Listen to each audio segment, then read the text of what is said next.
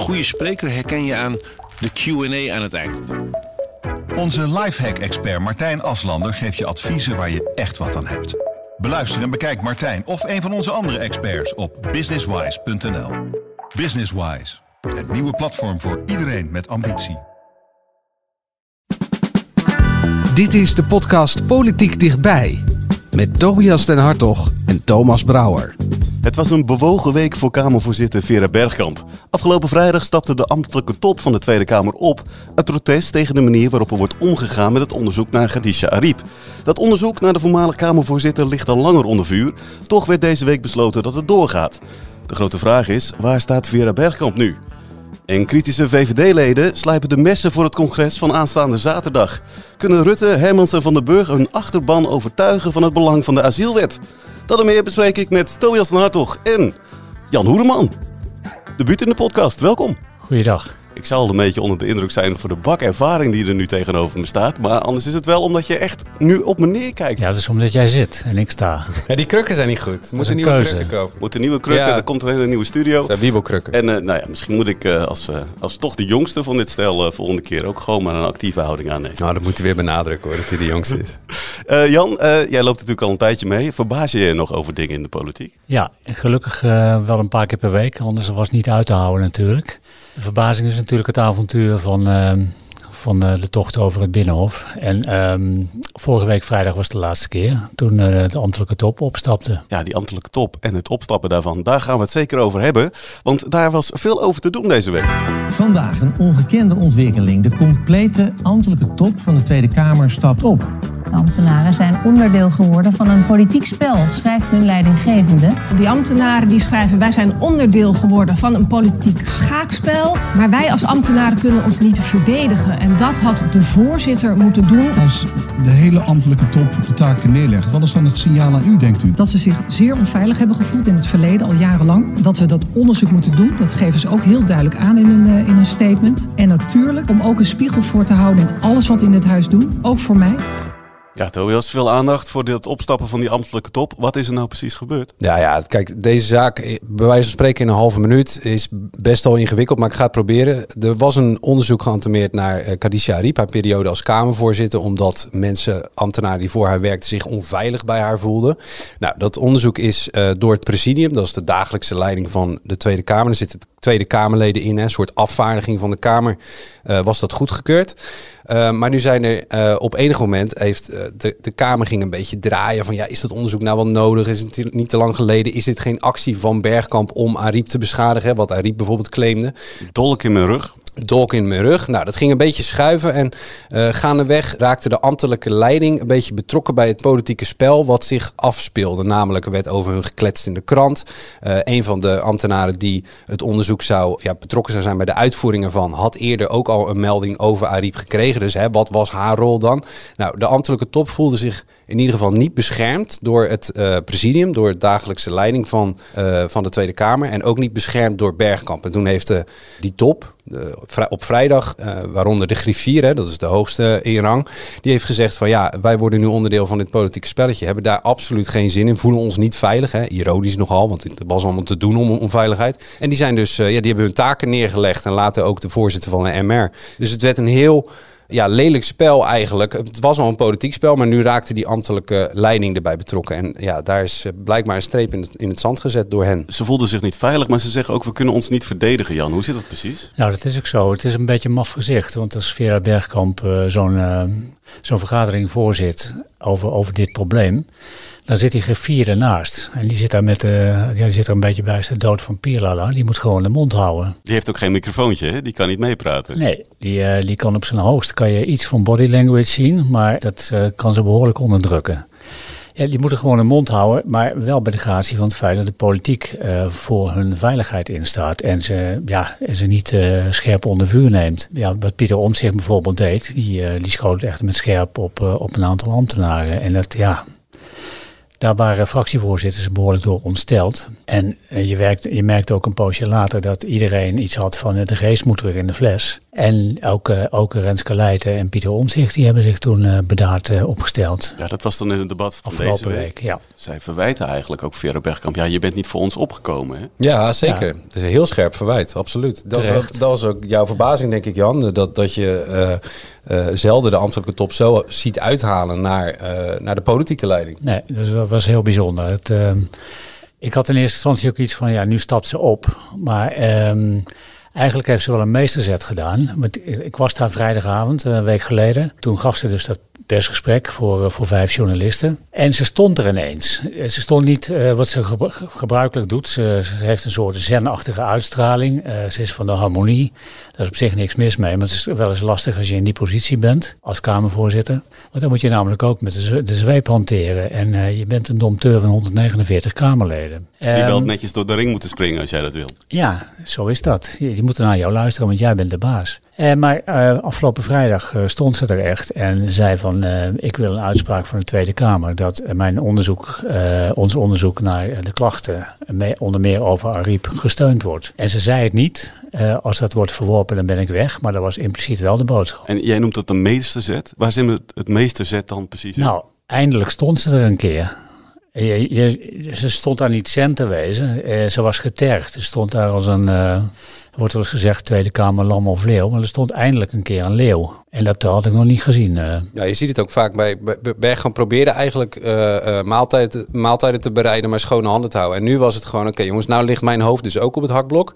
Maar ik vind dat onderzoek moet door. Als jullie dat niet willen, dan hak je mijn kop er ook maar af. Weet je, het is een beetje de zaak op de spits drijven. En daar, daar zit wel de meeste zetten in. Zo van, ja, dan, dan is het ook maar, dan moeten jullie ook maar laten blijken dat je mij ook weg wil hebben. En nou ja, daar, daar ging een meerderheid van de Kamer niet in mee. Dus haar positie gered. Maar ook uh, is zij voor het onderzoek gaan staan. Ja, dat onderzoek dat we deze week besproken, hè, moet het door of niet? Er waren voorheen heel veel kritische geluiden. En deze week wordt eigenlijk besloten dat we gewoon doorgaan met het onderzoek. En terecht, uh, want het gaat om, dat vergeet iedereen inmiddels, het gaat om werknemers in de Tweede Kamer die al jaren klagen over uh, het gevoel van onveiligheid en over concrete narigheid die ze hebben ondervonden.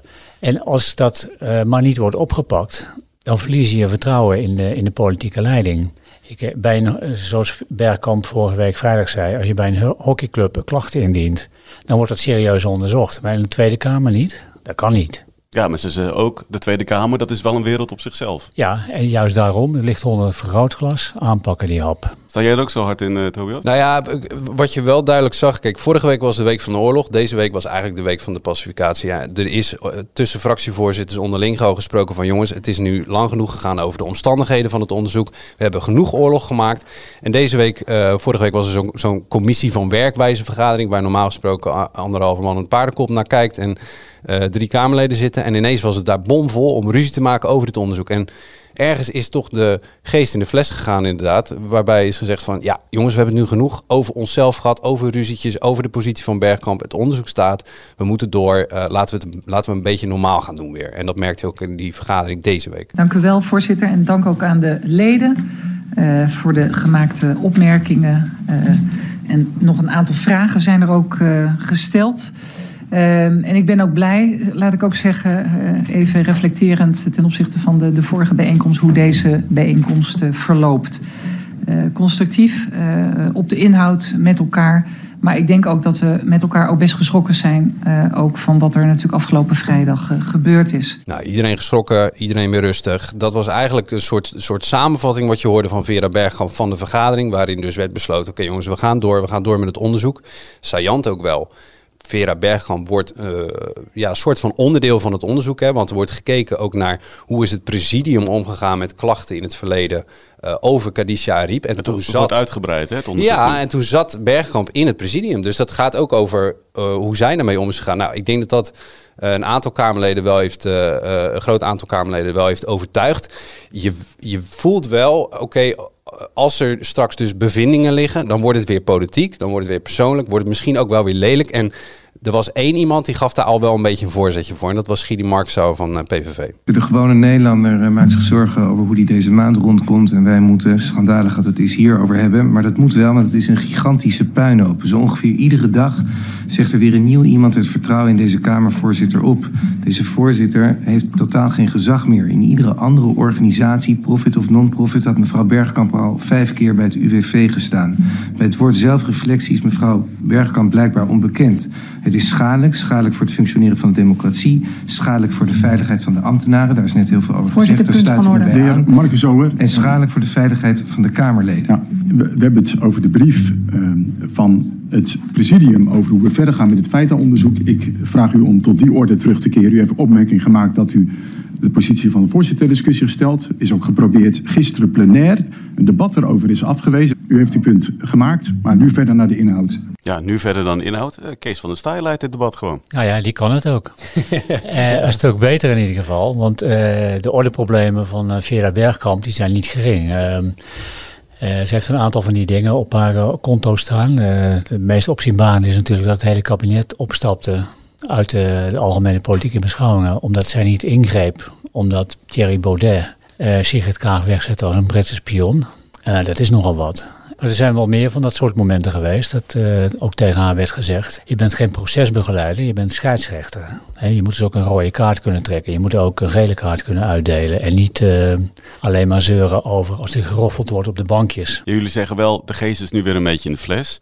Is dat nou voor Vera Bergkamp ook gewoon een teken van... ik kan nu even eh, rust pakken en, me, en mezelf herstellen? Nou, ik zou niet zeggen rust pakken. Ik zou zeggen goed voorzitten. Want ze kan niet nog eh, twee of drie van dat soort dingen hebben. Maar hoe gaat ze dat voorkomen dan? En gewoon wakker voorzitten en over jezelf heen springen. En gewoon eens durven eh, iemand eh, de mandel uit te vegen als die dat verdient. Dus gewoon meer kijken naar hoe Kees van der Staaij het uitpakt, hoe, hoe, de collega's... Ja, Kees, Kees eh, van der Staaij die, eh, die zet op een gegeven moment ook eh Marcus Sauer weg. En dat moet, zo moet dat ook. En dan luistert Marcus Sauer ook. Nou ja, hij kan in ieder geval de uitknop eh, hanteren van de microfoon, Kees van der Staaij. En dat kan Vera Bergkamp ook. Dat Ja, heeft ze al en- bewezen. Ja, en je zag ook nu, eh, eh, Van der Staaij greep dus in hè, bij Mark Zo en die liet het daar ook bij. Hè. Dus de- dat heeft ook te maken met dat Kees van der Staaij wel enig gezag heeft. Hè. Een van de langzittende Kamerleden, sinds weg is. Maar het is, dat gezag, dat moet Bergkamp echt zien te verdienen. En daar gaat de komende periode cruciaal in zijn. En precies wat Jan zegt, dan zal ze dus af en toe moeten optreden als scheidsrechter. En- Maar dan krijgt ze waarschijnlijk elke keer dat ze ingreep... oh, mevrouw de voorzitter, u bent Ja. nu een toneelstukje aan het spelen. Zeker. Ik bedoel, daar zijn Kamerleden helemaal niet moeilijk in om even te benadrukken... oh, u bent nu net aan het doen alsof u kan leiding geven. We Ja. weten al lang dat dat niet... Nou, waarvan akte, u heeft ook spierballen laten zien. Ik zojuist ook. We gaan door met het debat. Weet je, je moet daar gewoon, ja, dat moet je dan maar voor lief nemen. Misschien moet Tobias een cursus geven. Ja, ik, eh, ben, ik ben beschikbaar. Ja, kan jij met je voorzitter... Ik word genoemd. Ik word genoemd. Ik hoor al dat er aan mijn stoelpoot hier wordt gezaagd als eh, presentator. Het gaat helemaal de verkeerde kant op. Eh, ja, hoe gaat het nu verder, jongens? Nou ja, tot, tot de volgende rel. Ja. Kijk, het, het, het jammere voor Bergkamp is dat zij in een extreem gepolariseerde politiek landschap moet voorzitten. Anoushka van Miltenburg, eh, die zat voor, die kon, die kon totaal niet voorzitten in een eh, landschap dat niet gepolariseerd was. Dat vergt toch gewoon een aantal karaktereigenschappen. Hard zijn, een roofdier eh, zijn en eh, eh, bijten als het nodig is. Bijten als het nodig is. Het is de vraag of de VVD dat gaat doen. Want dit weekend wordt een spannend weekend. Zaterdag staat er namelijk een congres gepland in Rotterdam... waar er gestemd wordt over enkele moties... om niet akkoord te gaan met de asielwet van staatssecretaris Van den Burg. Ja, Tobias, jij gaat er morgen naartoe. Normaal gesproken bier en bitterballen. Ja, ja, ja. En dat is, dat is dus echt verleden tijd. Hè. Sinds, eigenlijk sinds het congres van de VVD in juni. Toen was ik totaal... Ik, ik had nog... eh, Volgens mij speelde Nederlands elftal s'avonds. En ik ging met mijn broer naar naartoe. En ik zei, nou, ik heb vandaag VVD-congres. Maar daarna ga, kom ik naar de Kuip. Gaan we naar het voetballen kijken. Ik, ik, ik dacht, joh, misschien gaan we nog wel een hapje eten daarvoor. Want bij het VVD-congres was het altijd... eh speechje Rutte, bitterballetje, biertje, klaar. Eh, dus ik dacht, nou, ik ben ruim op tijd. Maar ik heb me helemaal... ik heb nog net het begin van de wedstrijd gehaald. En dat was ergens in de avond. Omdat er de hele dag is gediscussieerd over stikstof die dag. En het pakte ook niet uit zoals de partij top dat wilde. En dat was eigenlijk een teken aan de wand dat, dat de leden eigenlijk beginnen te stijgeren. Niet langer die applausmachine willen zijn die de VVD lang achter zich had. En ja, dat was echt wel een eh, waterscheiding destijds. Ja, een leuk detail is dat eh, die stemming van 51% van de leden een ander stikstofbeleid wilde. Dat had ermee te maken dat ze, voor ze konden thuis stemmen vanuit de leunstoel. Dus daardoor werd het congres ter plekke overrompeld door die thuisuitslag, mede door die thuisuitslag. En morgen mogen ze niet Ze mogen dus niet uh, vanuit de leunstoel meer stemmen. Waarom is dat nu anders dan? Nou ja, degenen die op het congres zijn, die hebben stemrecht. En die D66-achtige uh, noviteiten, daar willen ze niet meer aan bij de VVD, want dan loopt het maar uit de hand. En dat is dus al vanwege die laatste keer in juni? Ja, zeker. Even voorkomen dat. Ja, want ja, in juni is... klonk dat zo. Ik heb de uitslag van de motie. Voor hebben gestemd 51 procent.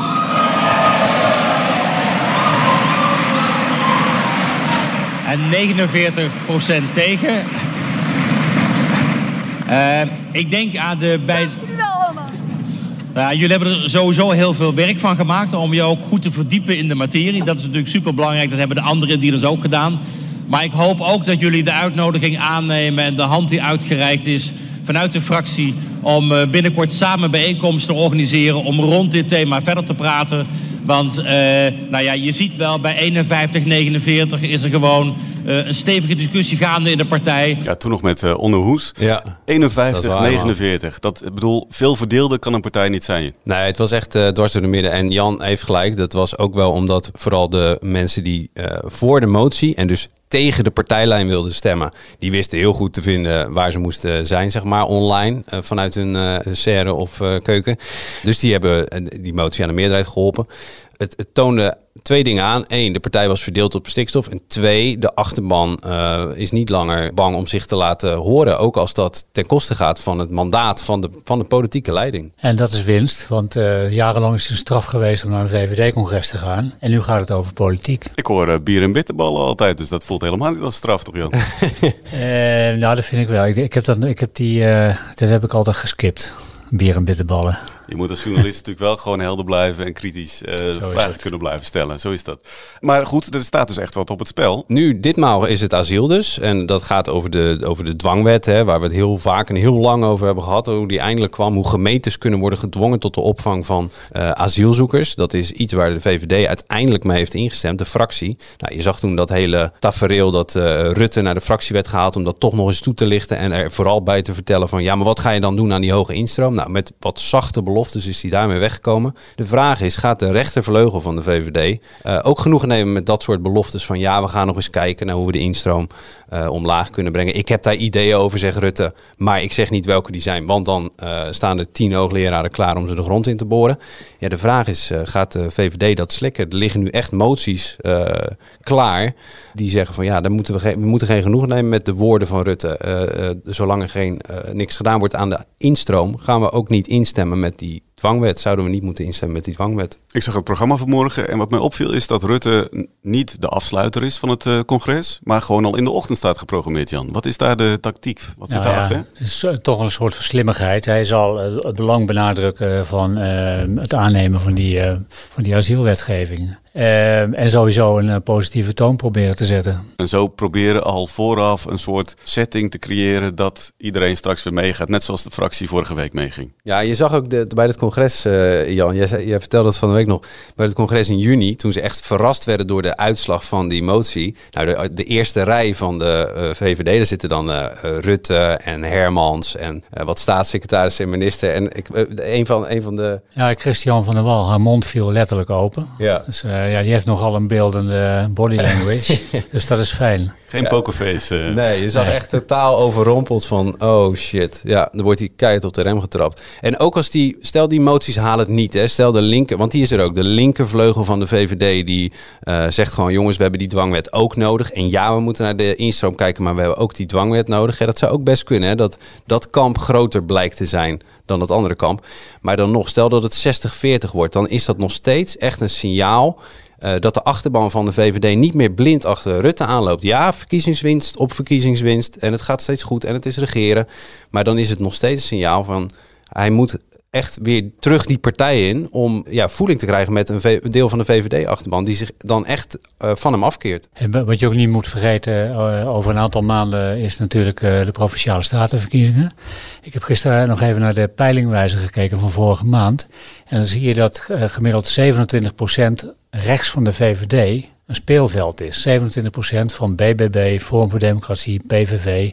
En die uh, klassieke VVD-achterban, die is zich dat zeer bewust. Dat is ook mede de reden dat ze zoveel stampij maken. Om hun rechte geluid te laten horen. Ja, dat, de- dat de kiezer eh, niet per definitie denkt van, oh, we moeten bij die 27% zijn, maar eh, oh, je kan ook nog best VVD stemmen. Maken zij zich echt zorgen over de concurrentie op rechts inderdaad? Dat kan je niet, eh, kan niet wegsnijden uit dit verhaal. En wat is dan vooral de grote concurrent? Nou, BBB. En ja, 21. Dat zijn de twee. Ja, ja dat zijn er toch. Kijk, ze hadden Forum en PVV. Kijk, PVV en VVD die zijn in de loop der tijd zoveel van elkaar vervreemd. De- Die overlap is wel, er wel een beetje uit. Maar ja, 21 he- bewijst zich als een soort van serieus rechtsalternatief. Hè, naast het Forum waar ze uit geboren zijn. Dus dan heb je ja, 21 is zonder de verhalen van reptielen en. en eh, eh, satanistische rituelen en de WEF enzovoort. Onder leiding van Joost Eertmans is dat een serieus, redelijk rechts alternatief voor veel VVD'ers. Ook, ook al was het maar bijvoorbeeld bij deze staatsverkiezing om een signaal af te geven. Dat ze zeggen, nou eh, VVD, lange neus, we stemmen nu een keer voor ja 21. Eigenlijk was in die zin de provinciale staatsverkiezing in 2019 ook een beetje zo. Hè, dat er heel veel stemmen naar Forum gingen. Wat toen nog een heel andere partij is als het nu is. Maar dat was ook een soort signaalstem van jongens, we slikken niet alles wat jullie eh, ons voorschotelen. Ja, Zo'n congres is ook vaak een podium om nieuwe gezichten ja, voor te stellen aan de achterban. Hè?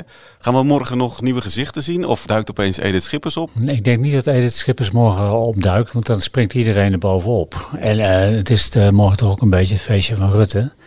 Eh, zij wordt pas gebracht, eh, verwacht ik, op het moment dat die statencampagne serieus eh, gaat beginnen. Ja, en het is, wij zeggen feestje van Rutte. Eigenlijk is het eh, een, een, een soort van eh, verplicht, verplichte nummertje of een uitvaart of een begrafenis. Daar wil je niet gezien worden als, eh, als, als je straks frisse fruitig aan de, als lijsttrekker aan de provinciale statenverkiezingen wil gaan deelnemen. Dus ik zou, ik zou haar eh, dringend adviseren lekker thuis te blijven morgen. Zijn er andere mensen die ook even een stap in de schaduw zetten? Eh, zien we Sofie Hermans morgen nog op een, eh, een prominente plek? Jawel, maar eh, ja, ik weet niet, volgens mij spreekt zij niet. Nee, volgens mij niet. Maar het Nee. vorige congres liep de halve zaal leeg toen ze sprak. Dus eh, ja. Ja, dat was pijnlijk. Dat was, dat was ook, dat had eigenlijk haar lancering moeten zijn. Zij sloot het Congresdag. toen af. Ja, Rutte zat daar nog na, maar dat, de, het- haar speech was, eigen- had eigenlijk de highlight van dat congres moeten zijn. Haar eh, lancering eigenlijk. En dat, dat mislukt totaal. Ook omdat ze later in de week nog eh, emotioneel geraakt werd door een opmerking van Wilders. Hè, die haar een tassendrager van Rutte noemde. Nou, daar reageerde ze heel fel en emotioneel op. Dat- nee, dat was echt een rampweek eigenlijk. Dus ik eh, ja, ik denk niet dat daar een rol voor weg is gelegd. Stel nou dat morgen een- een groot deel van de achterban toch meegaat in de kritische moties. Wat betekent dit dan voor de VVD? En wat betekent dit dan voor het kabinet? Nou, voor het kabinet betekent het niks, want eh, eh, congressen kopen, kopen geen straaljagers, is het eh, gezegde. Eh, maar het is, het is gewoon een signaal wat ze serieus dienen te nemen. En ehm, ja, er zal gewoon veel meer aandacht aan worden besteed. En Rutte zal echt eh, ehm, zich gesteund voelen nog meer te doen aan die instroom, wat hij beloofd heeft. Ja, en ik denk, ik denk het enige, hè, want Jan heeft gelijk, con- congressen kopen geen straaljagers. Maar als, als Rutte met een verkeerde uitslag terugkomt en hij komt maandag weer bij zijn coalitiepartners Kaag en Segers, dan zullen zij vragen van ja, en nu? En dan zal Rutte zeggen, ja, we gaan proberen die motie te implementeren. Maar als dat, eh, in feite is het ja-woord gegeven eh, aan de dwangwet. Dus dan zou de VVD zich daar weer helemaal van af moeten keren. Ja, dan heb je de facto een kabinetsval. En ik kan me niet voorstellen dat wie dan ook dat op dit moment zover wil laten komen. Maar het zet de verhoudingen wel onder druk natuurlijk. Maar ja, het is niet binair. Het is niet, oké, de motie eh, is A, dus heeft gevolg B. Zo is het ook niet. Gaan we kijken naar volgende week? Nou, eh, iets jaarlijks. Dat is het kindervragenuurtje. Als het goed is, dan eh, is dat de, premier Rutte die dan vragen van kinderen beantwoordt. Levert altijd leuke televisie op. Leuke quotes ook. Leuke quotes. Dat is lucht, luchtig. En wat totaal niet luchtig is, is de behandeling van de pensioenwet. Die gaat verder. Dat is al een, een, een nou ja, van, van, van on- ongelooflijke proporties hoe lang die discussie loopt. En die behandeling wordt nu opgeknipt in wetsartikelen. En dat is voor, volgens mij voor het eerst sinds ergens in de jaren tachtig. Nou, een van die vele stapjes is ook weer volgende week. Dus voor de vo- volgers van het pensioendebat, die kunnen eh, volgende week weer eh, eh, hard ophalen. Jan, het zit erop, deze eerste uitzending. Oké, graag gedaan. Ik vond het leuk. Het staan was ook geen probleem, geloof ik. Nee, nog niet. Tot zover deze aflevering. Vind je dit nou een leuke podcast? Abonneer je dan via Spotify of Apple Podcast. En volgende week, dan zijn we er weer. Tot dan.